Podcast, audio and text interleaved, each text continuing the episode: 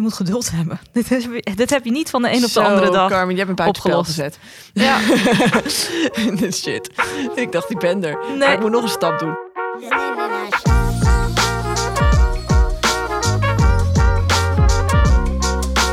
Hey Carmen, daar zijn we weer. yes, gezellig. Hey, om maar meteen met de deur in huis te vallen. Oh jee, ik voel me niet veilig.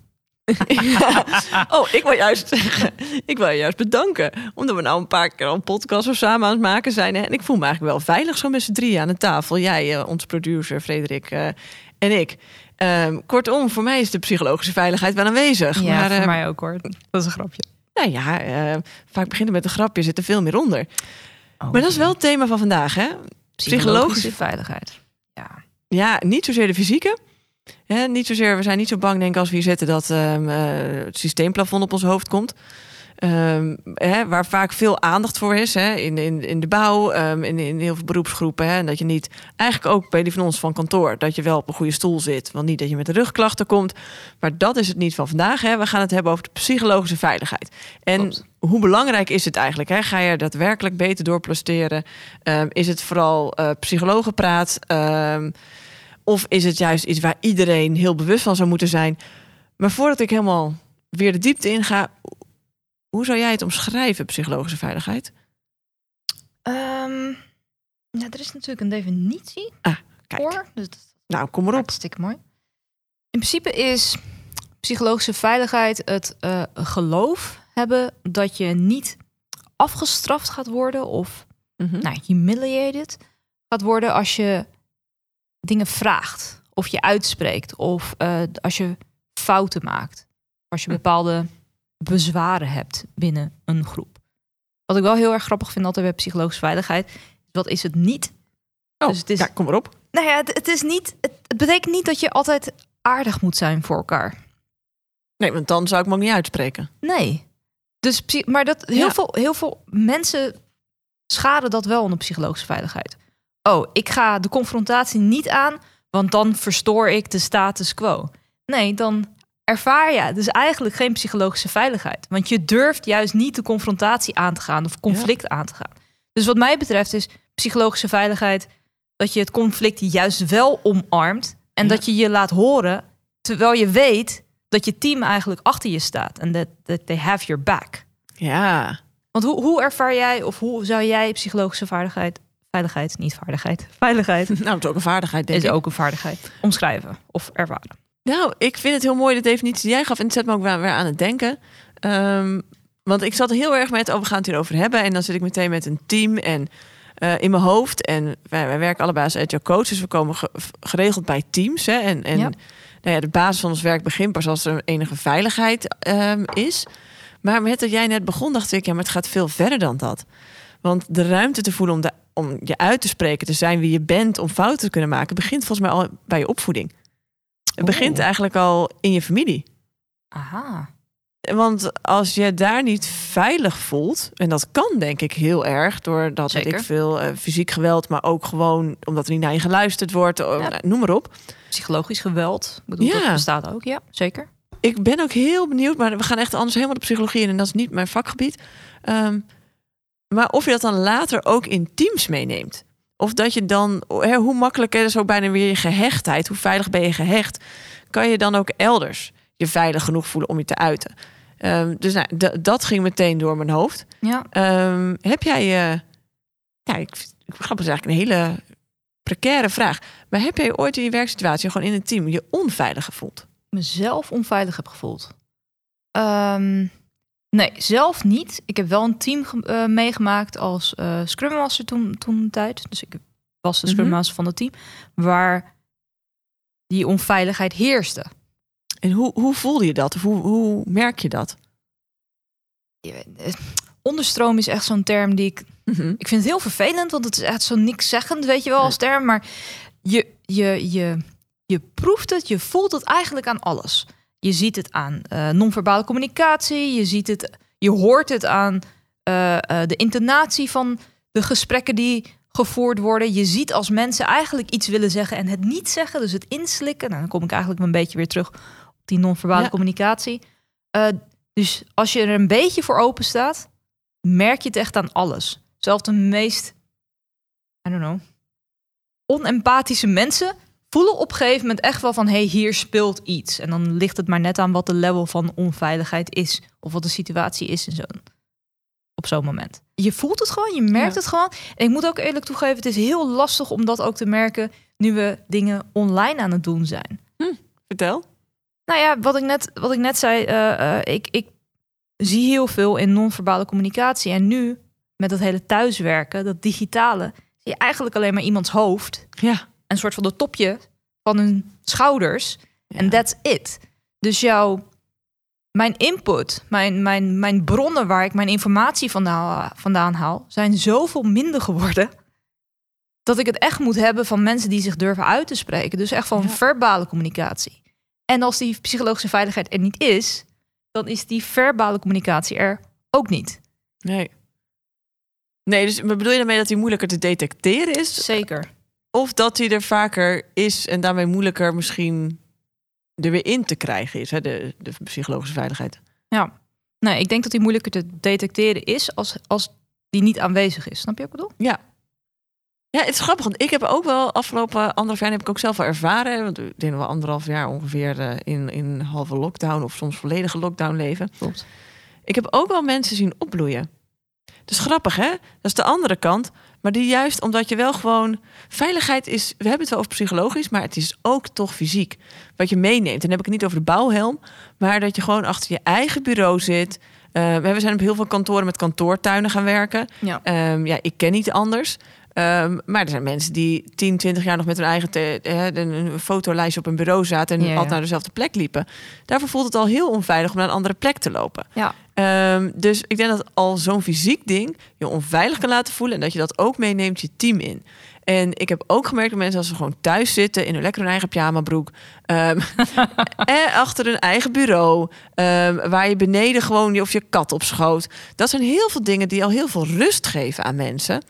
Ehm, en soms makkelijker dan ook is om uit te spreken. Ja. Ook wel een hele mooie. Dus het brengt ook wat. Zeg maar ik heb het zelf ook ervaren. Waar ik soms. ehm, ik heb het een.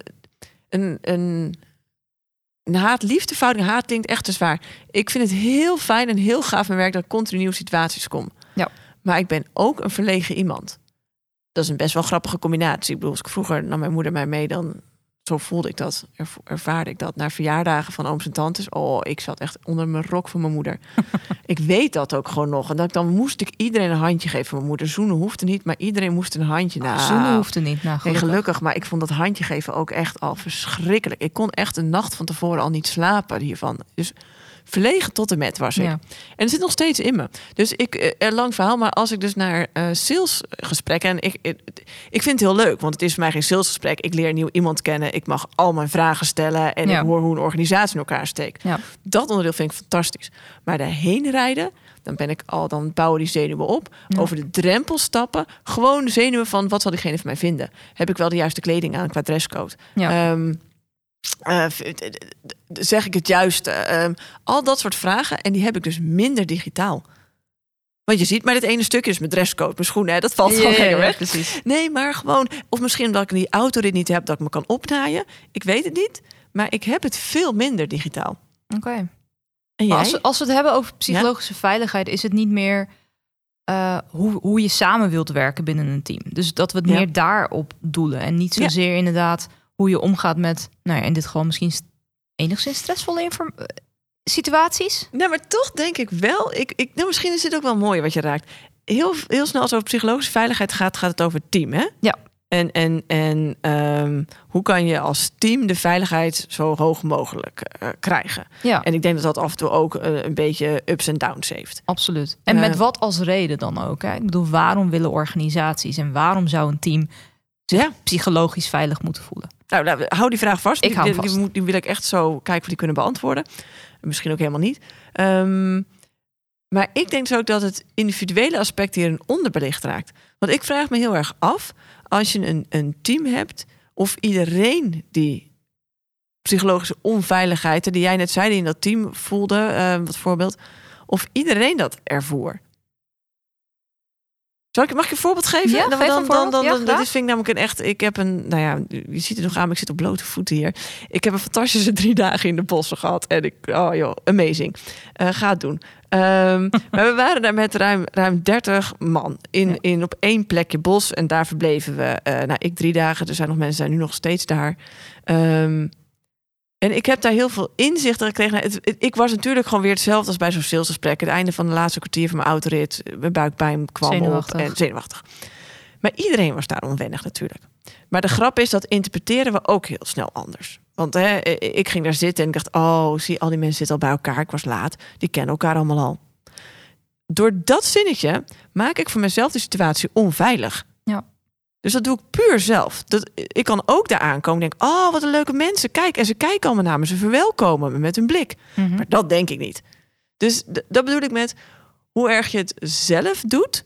Ehm, en ehm, ik vond het heel grappig ook om te merken in die drie dagen dat de ene kwam heel snel los. Hè, je zit dan naast elkaar en dan stel je een paar vragen en de ene doet heel stuurs twee zinnen. En de andere heb je een heel gesprek mee. Ja. Terwijl die ene die heel stuurs was, twee dagen later heb ik daar ook een heel gesprek mee. Dus het is, mensen zijn niet stuurs of zijn zo. Dat, ik denk dat dat de situatie is en hoe veilig je je voelt. En ehm, ik zat daar toen, uiteindelijk mochten we wel een hele fantastische opdracht dat we tegen een boom gingen zitten en gewoon een uur of twee uur, want je hebt daar geen tijd. Ik dacht heel even dat je zou zeggen dat je tegen een boom ging praten. Nee, nee, nee, dat mag ook, mag ook. Maar eh, nee, dat niveau heb ik niet bereikt. Oké. Ehm, Just a tree hugger, not a tree nee, talker. Gewoon er tegenaan duidelijk. zitten en voor je uitkijken. Ehm, en dus ik had ook tijd om uiteindelijk ook over de podcast na te denken. Ik weet niet of dat de opdracht was. Maar ja, het was wel, eh, ik vond het leuk. En ik moest, ik wist dat we het hierover gingen hebben. Dus ik Ja. moest er ook aan denken. Ehm, en ik, de vraag die vooral continu bij mij opkwam, is het een groepsprobleem? En in hoeverre is het een probleem? Is het een groepsverantwoordelijkheid of een individueel iets? Ehm, en vervolgens de vraag, hoe los je dat dan op? Want ik denk dat het heel veel te maken heeft met persoonlijke onzekerheid. En wat jij net zei, het gaat over je uitspreken. En tuurlijk kan een groep iets doen om te zorgen dat jij je minder onzeker voelt als persoon. Ehm, maar het zit ook gewoon bij jezelf. Laten we niet een hele groep hijacken. Als ik voelde me daar eigenlijk binnen een uur super veilig. Maar dat creëer je. Het is ook verantwoordelijkheid voor jezelf om dat Ja. te creëren. En hoe creëer je dat? En dit is echt psychologie van de koude grond. Door nieuwsgierig te zijn. Mensen laten we nieuwsgierig zijn. Volgens mij is dat de sleutel Klopt. voor psychologische veiligheid. Want omdat ik daar aankwam en ja, ik ben gewoon van nature een heel nieuwsgierig persoon. Ik ging door het bos lopen om me heen. Dat is nieuwsgierig. De omgeving ontdekken. Dat maakt dat ik een beetje begreep waar ik zat. Voel ik me veiliger. Ik ging meteen vragen stellen aan mensen. Dus mensen links en rechts van me een beetje weten wat voor vlees ik in de kuip heb. Ik zorgde dat ik een uur later weer naast andere mensen ging zitten. Zodat ik, dat deed ik onbewust hoor, maar ik kende daardoor heel snel heel veel mensen met een klein gesprekje. En natuurlijk heb je een bepaalde zekerheid nodig om vragen te stellen. Maar ik zou vooral eigenlijk eens mijn oproep merkte ik toen ik daar zat. Wees nieuwsgierig en neem daar dus ook zelf de verantwoordelijkheid in. Ga niet zeggen, ik voel me onveilig, groep, jullie moeten wat doen. Nee, ik voel me onveilig, dus ik heb nu vragen te stellen. Ja, nou, dat is echt heel mooi. Want zo heb ik het eigenlijk dus in dat team waar Ja? ik het net over had. Dat is exact de manier waarop, we, waarop de hele situatie gewoon gegaan is. Dus dat was één persoon die zorgde voor die psychologische onveiligheid binnen dat team. Ja, En wat, wat, hebben, wat heb ik op dat moment gedaan als Scrum Master? En wat hebben wij eigenlijk als team gedaan? En wat hebben gevraagd aan hem, Mhm. aan haar? Het maakt eigenlijk ook niet uit. Maar in dit geval aan haar. Wat hebben gevraagd aan haar om te doen? Wees open voor elkaar. En Ja. investeer in elkaar. Dus wat ik jou zie doen, eh, eh, of wat ik jou Hoor. hoor, zeggen inderdaad. ehm, nieuwsgierigheid openstaan voor. Wat je eigenlijk aan het doen bent, is je bent aan het investeren in Ja. jouw relatie met de mensen om jou heen. Ja. En dat is soort van stap 1 voor die psychologische veiligheid. Toch? ik heb stap 1 gedaan. Je hebt Nou stap ja, 1 gedaan. En beide kanten op, hè? want jij hebt het nu, eh, volgens mij in dit voorbeeld over de, veroorz de veroorzaker, even heel lullig gezegd, hè? Ja, de ja. veroorzaker van de psychologische veiligheid, Onveiligheid. eh, onveiligheid. Ja. Ehm, alsof dat, en dat, soms is dat één persoon die het voor een hele groep onveilig kan maken. Maar het is denk ik ook goed om bewust te zijn dat het soms ook andersom kan zijn. Absoluut. Dat acht mensen zich veilig voelen en één iemand niet. Ja. En als jij diegene bent, dan ben je ook dus degene, hoe onveilig het ook is, maar dan probeer nieuwsgierig weer te worden. Ja. En, en dezelfde oproep is natuurlijk als oproep voor degene als jij het voor jou veilig voelt. Je kan altijd andere mensen helpen door nieuwsgierig te zijn. Het is Klopt. beide kanten op. Klopt. klopt. Maar het klinkt alsof jij zegt dat er nog meer stappen zijn. Dus dat ik alsof ik, alsof ik pas bij de basis ben. Nee, nee, nee, nee. Kijk, eh, ik, ik vertel vanuit mijn situatie die, de, nou, de stappen die ik toen de tijd had ondernomen. En dit is echt in retrospect gezien, waren dat de stappen. Op het moment zelf was ik gewoon dingen aan het proberen ehm, wat goed voelde. Vanuit nieuwsgierigheid. Vanuit nieuwsgierigheid, ja. Dus ik had al van tevoren gehoord van... oh, deze persoon is iemand... Poeh, weerstand. Soort draak eigenlijk werd het omschreven. Ehm, maar ik dacht, nou weet je, ik ga er gewoon open in staan... zonder al die vooroordelen die je dan krijgt... via via, through the grapevine, om maar zo te horen. En waarom Ehm, doet iemand drakerig? Daar, dat is het, hè? Exact, exact. En daar kwam ik pas achter... wat eigenlijk de onderliggende gedachten of gevoelens waren. Onzekerheid. Ja. Het was allemaal een kwestie van onzekerheid. Die persoon voelde zich onzeker door de nieuwe manier van werken. Doordat de, het team eh, eh, andere doelen had en een andere samenstelling had. En wat doe je als je je onzeker voelt? Nou, het is fight, flight or eh, wat is de Freeze. Freeze inderdaad, exact. Nou, in dit geval was het fight. Ja. Dus, nou ja, stap 1 inderdaad investeren. Dus wat, Ja. wat, wat bedoel ik daarmee? Ga open het gesprek in. Ja. Nieuwsgierigheid noem je dat echt heel erg mooi. Ehm, het tweede is, je moet geduld hebben. Dit, heb je, dit heb je niet van de een op de andere dag. Carmen, je hebt me buitenspel gezet. Ja, Dit shit. Ik dacht, ik ben er. Nee. Maar ik moet nog een stap doen. Ja. Oh, ja, en ik, oh, ik ben zo en ik weet dat geduld... Ja, exact. Maar vertel eventjes, vertel. Hoezo? Ik, ga, ik, ga- ik moet het gaan trainen, maar... Nou ja, geduld in de zin van vaak is het twee stapjes voor, eh, forward, één stap Ja. achteruit. En laat je daardoor niet uit het veld slaan. Het feit dat, dat je dat ene stapje achteruit doet, omdat er een situatie is geweest Ja. of een scenario is voorgekomen waar je dat stapje achteruit hebt gedaan. Dus geduld, Ja. super belangrijk. Ook voor jou, Minke. En de laatste stap is inderdaad gewoon kleine stapjes. Je kan niet van de een op de andere dag verwachten... oké, we hebben nu een gesprek gehad met het team. hey, de psychologische veiligheid eh, is er nu en ik ben klaar. Nee. Strik je eromheen en we gaan weer lekker verder. Dit zijn gewoon, dit zijn continu kleine investeringen die je doet... die mensen bij jou doen, die allemaal... Nou, ja, weet je, Rome wasn't built in a day, om maar zo te zeggen. Ook psychologische veiligheid. Ik kan niet aan jou vragen, vertrouw mij. nee. Nou ja. Maar je kan wel vragen... Sta open. Nee, nee, nee. Ik zou willen zeggen, wat kan ik doen zodat jij mij kan vertrouwen? Dan, dan is weer de vraag vanuit nieuwsgierigheid. Absoluut. Maar dan moet je het ook wel waarmaken. Ik heb ook vaak genoeg meegemaakt dat iemand dat vroeg. Ik heb aangegeven wat ik dan nodig heb. En dat het alleen een soort van ja, symbolisch was. Of een Maar wat doe jij dan? Ik heb het teruggegeven. Ja. Maar niet iedereen voelt zich veilig genoeg. om Nou, dat- en teruggegeven is de vraag. Want misschien is nieuwsgierigheid dus ook het beste antwoord gegeven. Want, want iemand kan jou wel vragen. Want in alle oprechtheid zou ik vragen: wat heb jij nodig voor vertrouwen? Maar ook ik heb weer te leren. Dus misschien val ik de stappen daarna weer in mijn oude valkuilen. En, weet ik het niet meteen te doen. En op het moment dat dan jij tegen mij zou zeggen: hé, hey, we hadden het erover gehad. En je komt je dingen niet na. Zo, dat voelt voor mij meteen onveilig. ja. Hè, terwijl je nieuwsgierig vraagt: hé, hey, maar we hadden het toen over. Wat maakt dat dat jou niet lukt? Nee, zeker. Grappig, hè? Dat is meteen een hele andere vraag. Nee, absoluut. En ik denk dan ook van, wat doe je met zo'n signaal? Ja. Want dat, dat weet je, tuurlijk, dat, dat, dat ik aangeef bij jou, oh, ik heb dit nodig en eh, je doet wat anders. En ik geef dat dan terug, van hé, hey, je doet wat anders dan ik heb aangegeven. En jij doet vervolgens niks met mijn signaal terug. Dat bekrachtigt alleen maar mijn hele, oh, je vraagt om iets, maar vervolgens doe je er niks mee. Ja.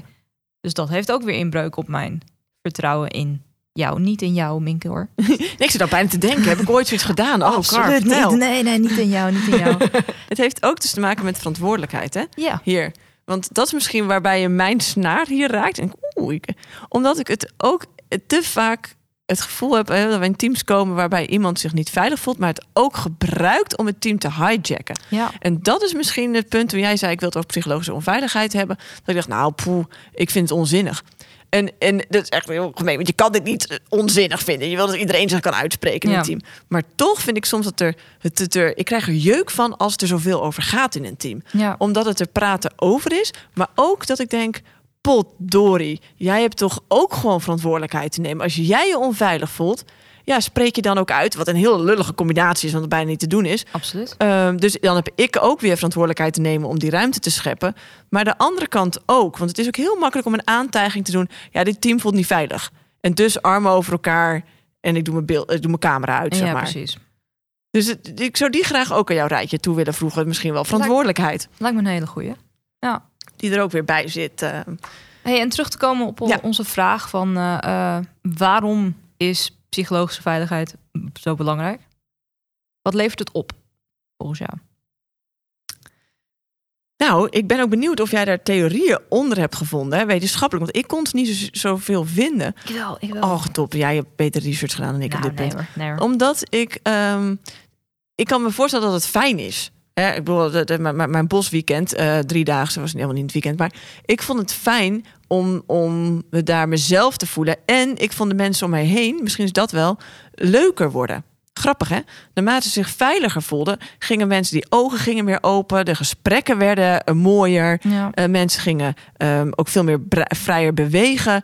Dus ik kan me heel erg snappen, en dat zien wij ook natuurlijk in ons werk op de werkvloer, dat mensen zich meer uitspreken. Daardoor komt er meer feedback, kunnen mensen meer leren van elkaar. Ja. Gaan mensen ook meer hetgene wat ze goed kunnen inbrengen, in plaats van ze iets heel slims hebben, maar dat helemaal niet inbrengen. Ja. Dus ik denk daarvoor. Ja, absoluut. Maar onder, onderbouwt de theorie mijn. eh, Nee, nee, absoluut, absoluut. Nou, in 2012 is er vanuit eh, Google een onderzoek geweest naar... oh ja, Google natuurlijk. Ja, Google, joh, Google. Dat heeft Google niet onderzocht. Naar eh, wat maakt nu een high performance team? En? En dat project hadden ze Aristoteles genoemd van, vanwege zijn bekende citaat. Het geheel is meer dan de som der delen. Ehm, en wat hebben ze gedaan? Ze hebben dus gekeken naar de verschillende hypotheses van wat is teamsucces. Ja.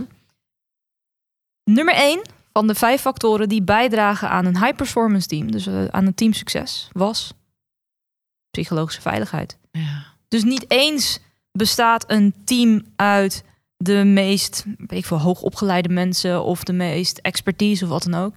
Het was het team dat zich het meest veilig voelde om zichzelf te zijn. Waar conflict niet uit de weg werd. Nee, wacht, dat is niet Ja, het conflict niet uit de weg gaat. Uit de weg gaat, Ja. dat is het juiste woord. Dankjewel. Ja, Oh, bijzonder. Ja, ik wist niet dat het zo hoog stond. ja nee, het stond echt Dus ik zit meteen in ons werk te denken. Wij zeggen vaak, hè, agile coach, end-to-end team, divers team. Ehm, maar misschien eigenlijk eh, na dit onderzoek zouden moeten zeggen... nee, het team wat het snelst met elkaar veilig voelt. Eigenlijk wel. En dat dan te creëren. Ja, Tof. Ik zit meteen ook te denken, weet jij, jij, jij hebt de heus waarschijnlijk ook... want jij van gelezen en gehoord, want jij houdt van boeken lezen. Ik wil toch heel even nog bij dit onderwerp Jorine Beks noemen. Ja. Zij is co-auteur van Psychologische Veiligheid. Ik heb naar een podcast geluisterd ehm, in de Innovatiewarstraat. Ik wil hem graag heel even benoemen, omdat ik dat zo'n mooi verhaal vond. ja. En ook zo'n mooi, mooi, mooi boek vond. Ehm, omdat zij met hele pragmatische punten eigenlijk aangeeft hoe je dat kan doen. Ja. Psychologische veiligheid creëren. Jij gaf net ook een paar on- onderwerpen. Hè? Zij heeft het volgens mij over vertrouwen, vrijmoedigheid en verschil maken. Dat dat, dat, dat degene zijn, echt het, het, het krukje, de drie bootjes waar het krukje op leunt, Ja. die je altijd in te brengen hebt. Hè? En dat je dan ook ziet, een team functioneert pas echt als het elkaar dus vertrouwt. Als het vrij is om uit te spreken, hè, wat jij ook zei. En als het samen dan het verschil gaat maken. ja. Dus dan is dat doel dus weer belangrijk. Ja, Komt vaker terug op een of andere manier in onze aflevering, hè? Het doel. doel en, en toch ook uitspreken. Hè? De, de, de diversiteit, maar dat je, want dan gaat het ook over. Hè? Kan je jezelf zijn? Zeker. Dus grappige onderwerpen die ik soms in het, in het hoekje plaats als... nee, laten we hem gewoon aan de slag gaan. Hè? Snap je? Dat zie ik ook vaak bij onze teams. Nou, mag ik niet gewoon mijn werk doen? Hè? Moeten we het hierover gaan hebben? Ja. Ehm, maar er zijn wel dus de voorwaarden om echt, echt succesvol te worden samen. Ja. En het mooie is, wij komen bij heel veel gemeentes langs en bij commerciële bedrijven. Ik ben ook heel erg benieuwd hoe iemand die bijvoorbeeld in de bouw zit, eh, hoe die psychologische veiligheid ervaart. En dat is onze volgende gast die wij aan de lijn hebben, namelijk Dennis.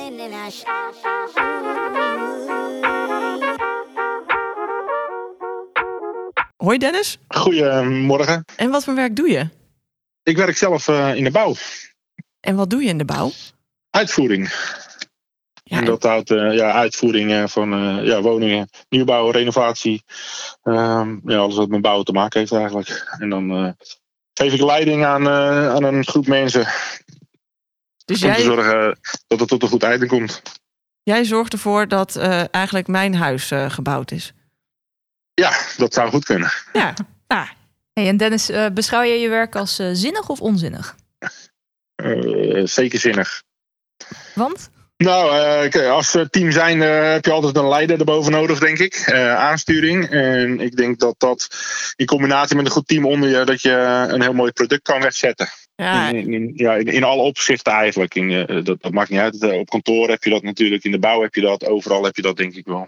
Hey, en Dennis, we hebben het vandaag over psychologische veiligheid.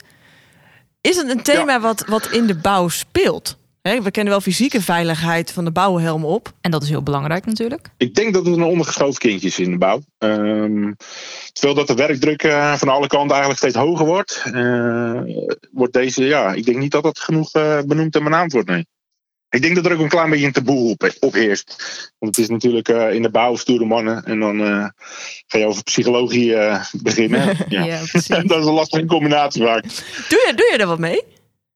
Ehm, ja, ik doe er wel wat mee, ja. Vertel, hoe? Want eh, als je tegen een burn-out aanloopt of tegen stress en tegen paniekaanvallen, Ja. dan denk ik wel dat het tijd wordt om ergens aan de bel te trekken. Gelukkig eh, zijn er specialisten op dit vlak, dus eh, ja, waarom zou je er geen gebruik van maken?